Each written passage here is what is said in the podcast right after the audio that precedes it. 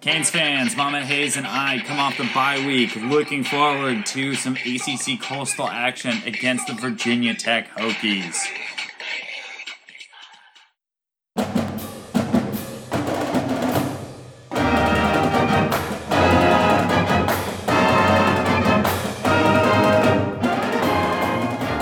All right, Mom, bye week and great news. Tampa Bay Rays baseball. We're in the playoffs. Let's do this. That that is great. That's great news for Hurricanes Up. Uh, by the time you listen to this, they might be bounced out of the first round of the of the playoffs. But hey, we have that at least for a little bit. So Rays up there. I know you're excited. Okay, things. Um, you could live in Miami and you could be in worse in a worse situation than being a Canes fan. You could be a Dolphins fan. Ooh, you could be a Dolphins fan, um, be 0 and 4. You could be a Marlins fan uh, with really no end in sight. Uh, the nice thing is, is that I'm a Hurricanes and Heat fan, and the Heat always dabble around with uh, hanging around the playoffs and being relevant somewhat. So that's nice. But yeah, thank goodness you and I are not Dolphins and Marlins fans. Well, not Marlins fans anymore. No, not Dolphins fans anymore, but. Um, Well, we never really were Dolphins fans. We kind of well, like, I, w- I was in the days of Bob Griese. oh, that's fair. You know, that's like ancient history. Mom, why are you a fan of the Dolphins and Bob Griese? When I was there. Boom, and there's your Purdue football talk. I told you we were going to give you Purdue football talk. So you're welcome, everyone. Oh man, but yeah, I I'm so happy we're not Dolphins fans. I'm so happy we're not Marlins fans. And after watching Friday night's game, I'm so happy we're not Virginia Tech fans, Mom. Shout out to our producer DJ though, who is a Virginia Tech fan and alum. Oh, so I'm so sorry, DJ. we are sorry, and I know he's going to edit it too. Then now I'll be positive about Va Tech. So thank you. Yes, I have a friend who's a Virginia Tech fan, and um, he was not real happy. No. We bounced around, Mom. We got the bye week. You and I were able to watch baseball, watch NFL football, a lot of college football, but we focus back in and zero in on this coming Saturday's game at 3:30 and to everyone's happiness, not on the ACC network. Vod! Virginia I Tech get, I get to record it. Yes, Virginia Tech Hokies come and play the University of Miami down in South Beach. Well, not really in South Beach, but in Miami Gardens. Which is pretty far from South Beach, by the way. Not even close to South Beach, but at least you get all those great shots of South Beach to make it look like it's right down the road.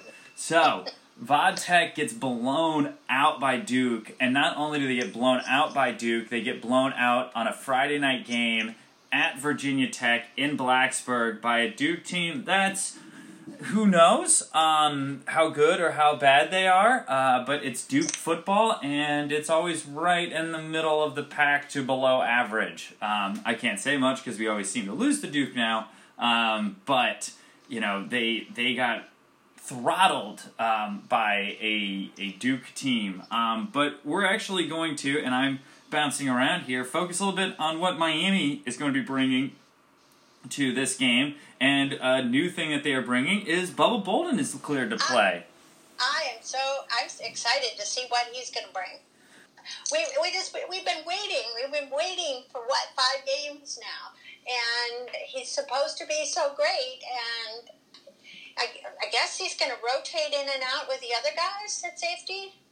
I think so. It'll be interesting to see um, what he does. You know, the secondary has not been one of the strengths, especially after the last two years, um, where the strength of the defense was not only the linebackers, and well, I mean, the defense was good all around, but definitely the strength was the secondary with Jaquan Johnson, Redwine, uh, Michael Jackson, and then Bandy. Uh, trying to replace three really good starters is always hard. Um, and they haven't really found their good rotation. So I'm hoping Bolden is the presence that they need. Again, this was guy was supposed to be kind of the stopgap until you know these freshmen develop or get in new recruits, and he hasn't been there the first four games. So I agree with you in saying that you know we were looking forward to having him in the first games, and I would say depending on how he does, uh, could be um, a big change for us this season.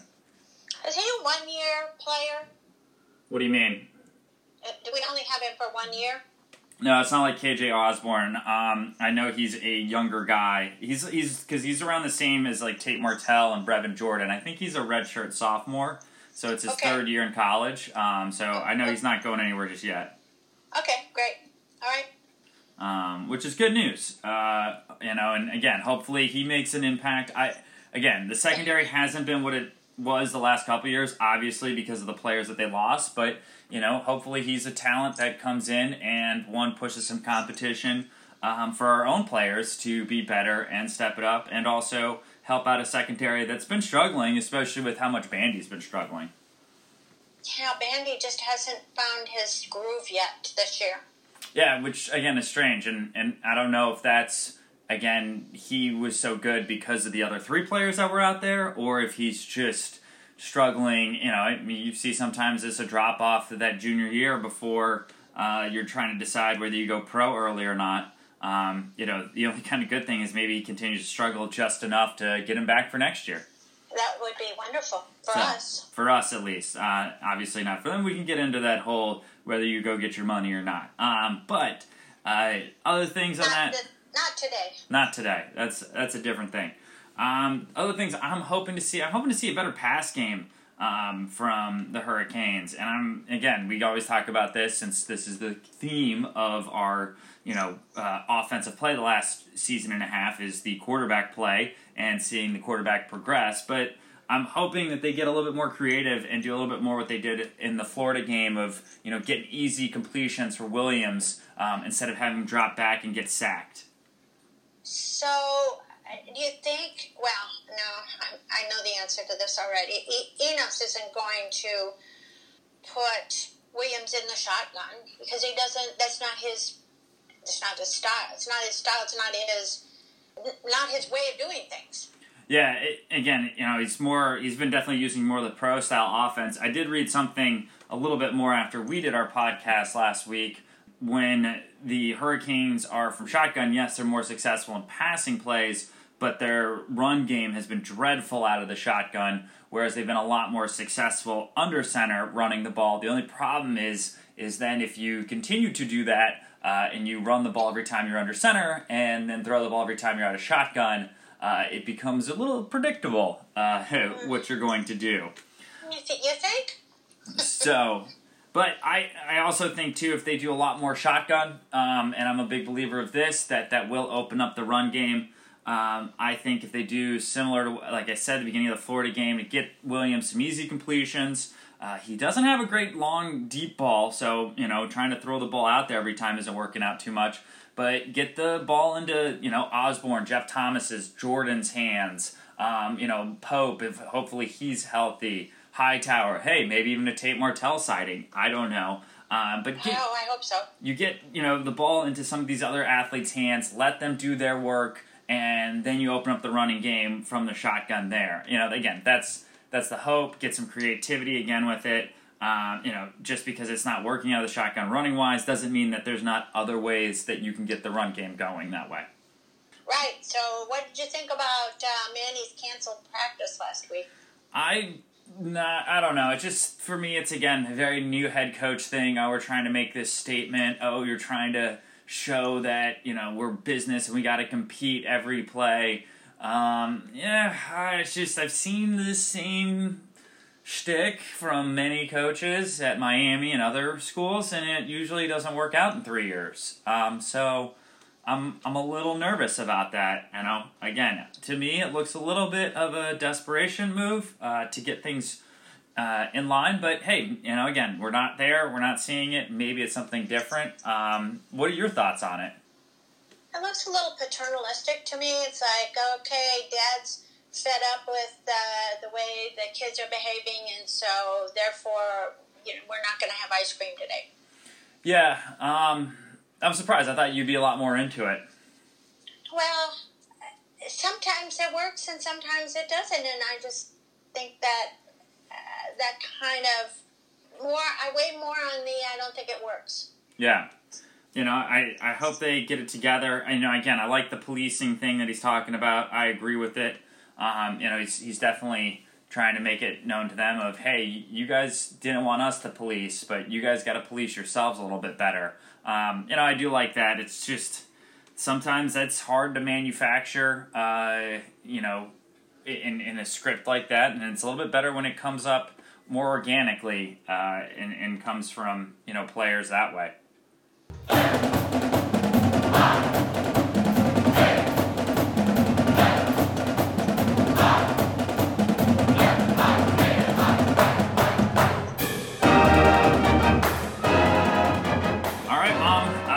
Tech top 25 team to start the season. Yeah, yeah they sure and, look like it. Man. Yeah.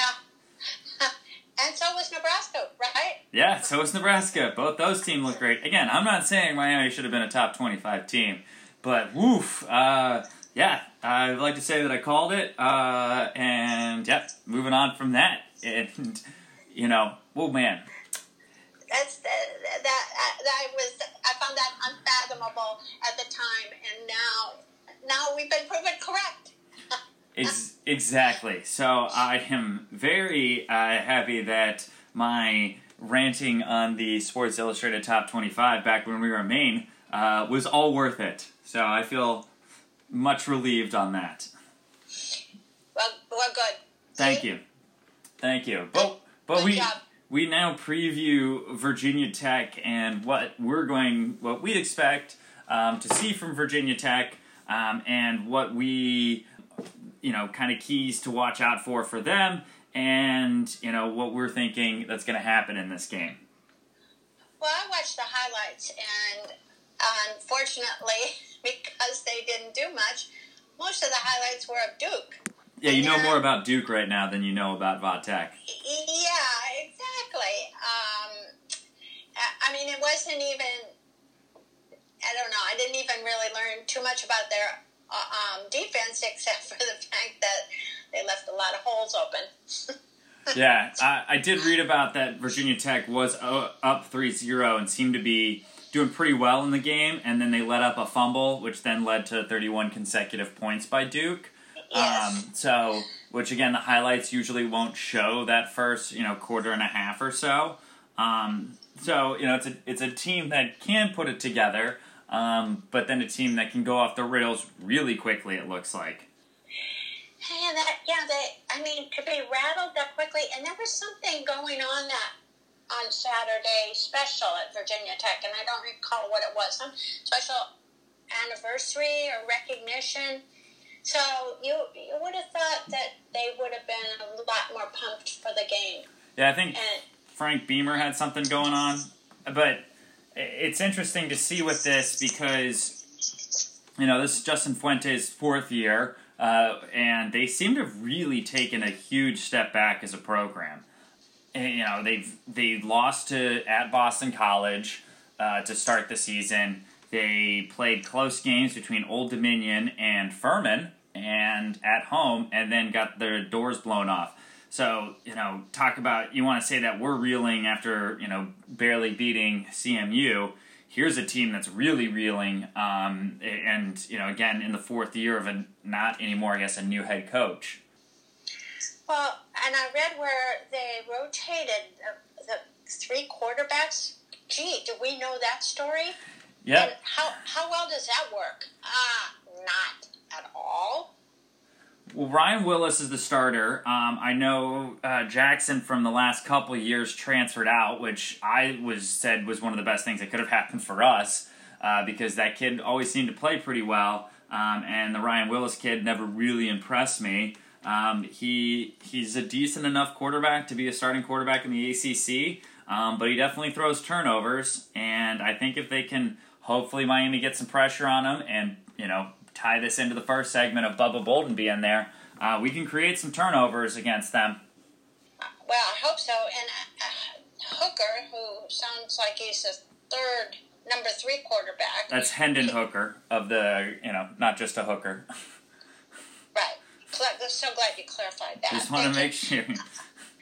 His plays are almost always running plays. So that, if he's in, that's pretty predictable. Yeah, they they put him. Quincy Peter Patterson came in. Uh, he did a run play, and then they had uh, uh, Hendon Hooker come in for a drive, but I believe that was the drive where they then turned the ball over, uh, and then Duke ended up getting 31 straight points. So who knows what his confidence is? Um, you know, again, the fact that they were subbing out Ryan Willis when they were up 3-0 makes me think we're definitely going to see another shakeup uh, of quarterback play here. Uh, I think they were looking for some energy, and unfortunately, it led to their demise. Um, and talk about a coach uh, trying to you know be desperate and make some moves that we talked about earlier with Manny Diaz. Uh, that seemed to be a big panic button, pulling Ryan Willis up 3 0. Anyway, I think that gives us a bit of an edge. Another thing that gives us an edge is um, is Hill. Explain more. It's a, you're, it's on you. The You're- transfer for the transfer from Virginia Tech. oh, our transfer, yeah. Yeah. I mean, he comes over. He's going to come over with a will to win. Yeah, and there's Trev, Tre- Trevon. Yeah. Trevon Hill. Okay, there we go. And Trevon um, Hill. I think his his goal for the day is going to be at least one sack. He had a pretty nasty breakup with them too. This wasn't just a graduate. Okay, I'm going there. They they pretty much booted out. There's no, there's not a lot of love between him and Virginia Tech right now. So I mean, my only hope is that he doesn't act, you know, over the top and he focuses that in a good way. You know, again, it's a young kid that's going to try and prove, and if it's a close game, you know, he doesn't need to get a 15 yard penalty. Uh, you know, doing something stupid late in the game to give Virginia Tech some hope. So. Yeah, I, I'm interested to see how he plays against his old team. He knows what the score is with the Virginia Tech playbook, so that could be to our advantage. Yeah, hopefully. Um, you know, they're playing against Bud Foster defensively, who we've seen Bud Foster since before I was born, I think, um, as the defensive coordinator. Could you- could be why he was reti- is retiring. yeah, you might laugh, but I think that's actually correct. Um, so, but it'll be the last time we play Bud Foster. So obviously, a lot of familiarity there. Um, you know, for Miami players going up against him. Um, the other thing that comes into play uh, with that with that defense is their pass rush has not been very great this year, um, and I think this is a huge opportunity for the University of Miami to get some good experience and not let up uh, four and a half sacks as they're averaging right now. Uh, the stat that I have is that uh, Virginia Tech has 10 sacks total on the season as a defense, uh, but only one of them came against ACC teams. Uh, the other nine were against Furman and Old Dominion. Old Dominion. Yeah. So I'm I'm hoping like this if if they let up a bunch of sacks, uh, remember silence that phone there. Um, if they let up a bunch of sacks, they are going to. It's it's one of those. It's this offensive line then has no hope for the rest of the season. If if we let up four sacks, that's going to be awful, especially on a home game. So they, they've got to step it up. Also for Virginia Tech, and probably where I'm most worried is their leading receiver, Damon Hazelton, who was in the game against Duke, um, but his first game back, uh, I expect him to be back in the game and make a, a pretty big impact. If uh, what's his name from CMU, Pimpleton, I believe it was, uh, was Yes. making all those plays, I can only imagine what the leading receiver for Virginia Tech's going to do now, fully healthy um, and absolutely ready to play. So uh, expect to hear his name, unfortunately, probably a lot against University of Miami, but I'm hoping they uh, take care of business. Uh, we should. Um, if you, we talked about last week of these two games put us, um, you know, the Virginia Tech game and the Virginia game put us in pretty big uh, a swing for the season, and you really got to go two and zero here. Um, you especially have to go one and zero here in this game um, if you really want to show that you want to be a part of this uh, ACC mix this year, and then of course show that all right, we're ready to take a step, maybe you know, winning the coastal or hanging in the coastal this year, and then really starting to be a lot better next year. You lose this game. Uh, I I think that's going to be pretty devastating for not just this year, but going into next season. This seems like to me the game to win. And and you know, you asked me at the beginning of the season which one I was most worried about, and I said Virginia Tech. Um, I may change my mind about that. Um, I'm, or I'm, I may have changed my mind about it, but it's still a dangerous game. It's a rivalry game, you know. It always is. It's always a tough game. We- and it's college football, and you, you know, I hate to be trite about it, but you never know which team is going to show up on any given Saturday, and it, it's just it, it's not predictable. It's predictable to an extent, but you know, you're going to play. Uh, we play Alabama, we're going to lose. Yeah. That's Yeah. predictable, but.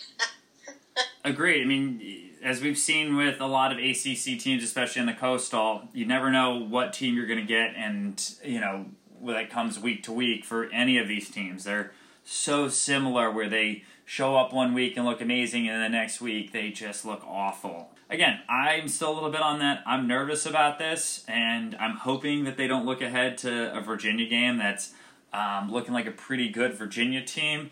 Uh, they got to go and they got to take care of business um, and come out of this, you know, going to three and two on the season and getting back into this coastal race. So, my prediction for it, I think they win it. Um, I don't think it is as pretty as we'd like it to be. I think we're going to see a lot of what we've seen all year because I haven't been proven any different so far. Um, but I imagine somewhat of a low scoring game, something like 25 or 24 um, to 14 Miami wins. I feel that uh, I feel we're going to win. I feel pretty confident in the fact that we're going to win. Um, I think that we worked on. Uh, do I think we cured a lot of our problems? No, but I think we. I think we've worked on a lot of the problems, and I just don't think overall. Even though I may be surprised, I think Virginia Tech is just not that good of a team this year. Agreed.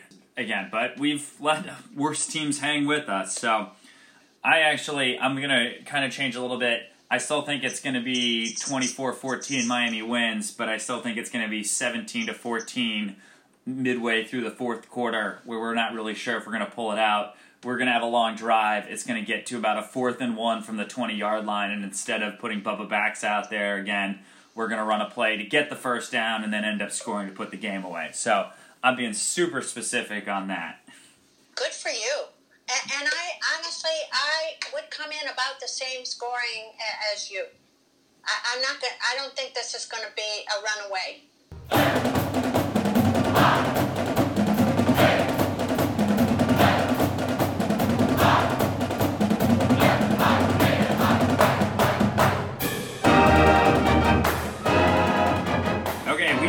Briefly touched on a little bit um, because, fortunately, like a tradition, every year now since we've joined the ACC and they've moved into two divisions, we have to do some scoreboard watching on other teams at the very beginning of the season.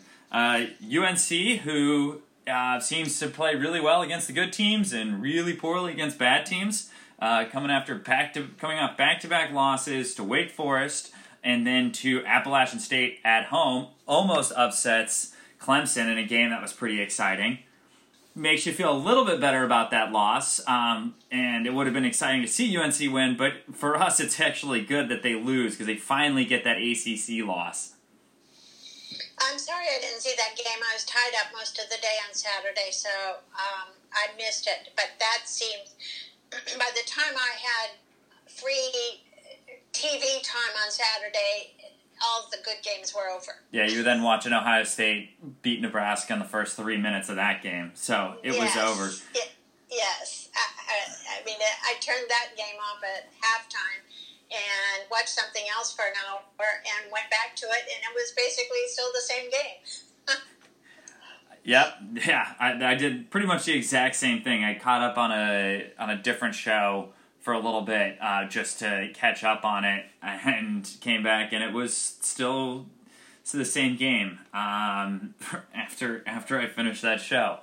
Um, other teams, yeah, UVA hung in with Notre Dame for a little while. Again, makes me nervous about that game next week. Uh, but let's get through the Va Tech game first. Uh, I I still, don't. I don't even want to say a word about Virginia me, me too. until next week. No looking ahead. No looking ahead. And then, of course, Pitt, who ended UCF's uh, great winning streak, uh, almost lost to Delaware at home. So um, it's pretty. It's pretty ridiculous in the coastal right now of how similar all these teams are. It's going. It's going to make for an interesting season. It really is. It's going to be exciting. Get, we go down. We go down the road about two, three weeks. It would be a little bit more exciting if all the teams were ranked somewhere between 25 and number 5 in the country. Um, a little bit more of how like the SEC works. Um, but since probably all the teams are ranked somewhere between 35 and 55, it's a little bit more frustrating. Yes. They struggle um, and they play down to competition, they play up to competition, and Uh, hey, I think the winner of this coastal could have lost two to three games in the ACC by the time this is over. I agree. I, I, it's going to be very. It'll be fun. It'll be fun though. Yeah. I mean, that's that's why we watch college football. Is it's fun.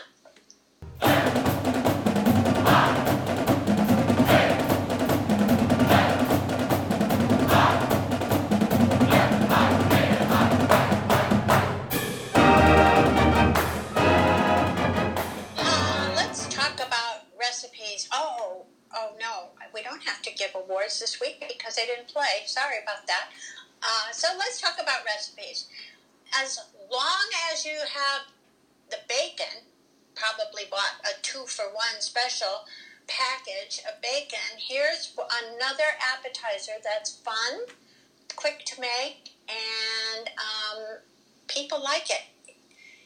It's uh, you t- take bacon and you cut it into four pieces I know that doesn't seem like much, but it works.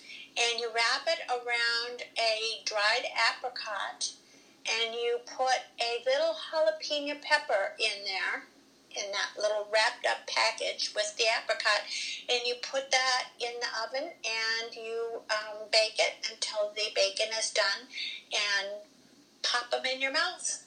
There you go. That's pretty easy. Yep.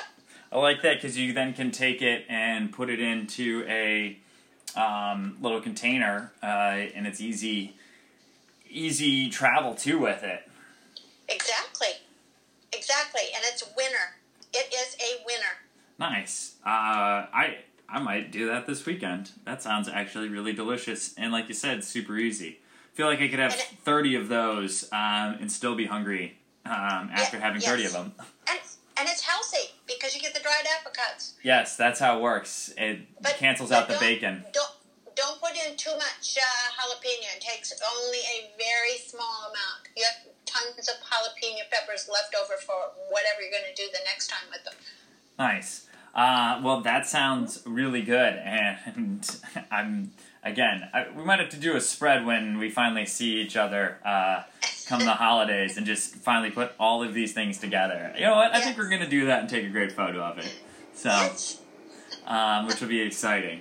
All right, mom. Another week, another bye week. We have like eight bye weeks this year, so it's a little strange. Um, but we are getting ramped up for ACC action finally. Our season really, really gets going here. Um, so hopefully come away with the W and we can finally focus on that team you didn't want to talk about this week. All right?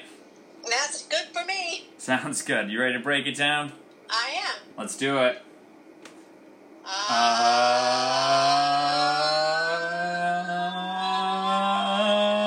uh, C A N E S Canes. Woo! I'm impressed with how much better we've gotten at that over the last year. Now that I think about it, we, it, we could try out to be Sebastian. We could. Um, it's pretty impressive that we're doing it without even looking at each other. So uh, it's a lot harder than you think, everyone. You should try it one time with a friend and see how it goes. Anyway, that's another episode of Walking On with Chris Hayes. Uh, as always, that's Mama Hayes on the other phone line. Thank you, Mama Hayes, and let's go Canes. Go Canes. Go Hey,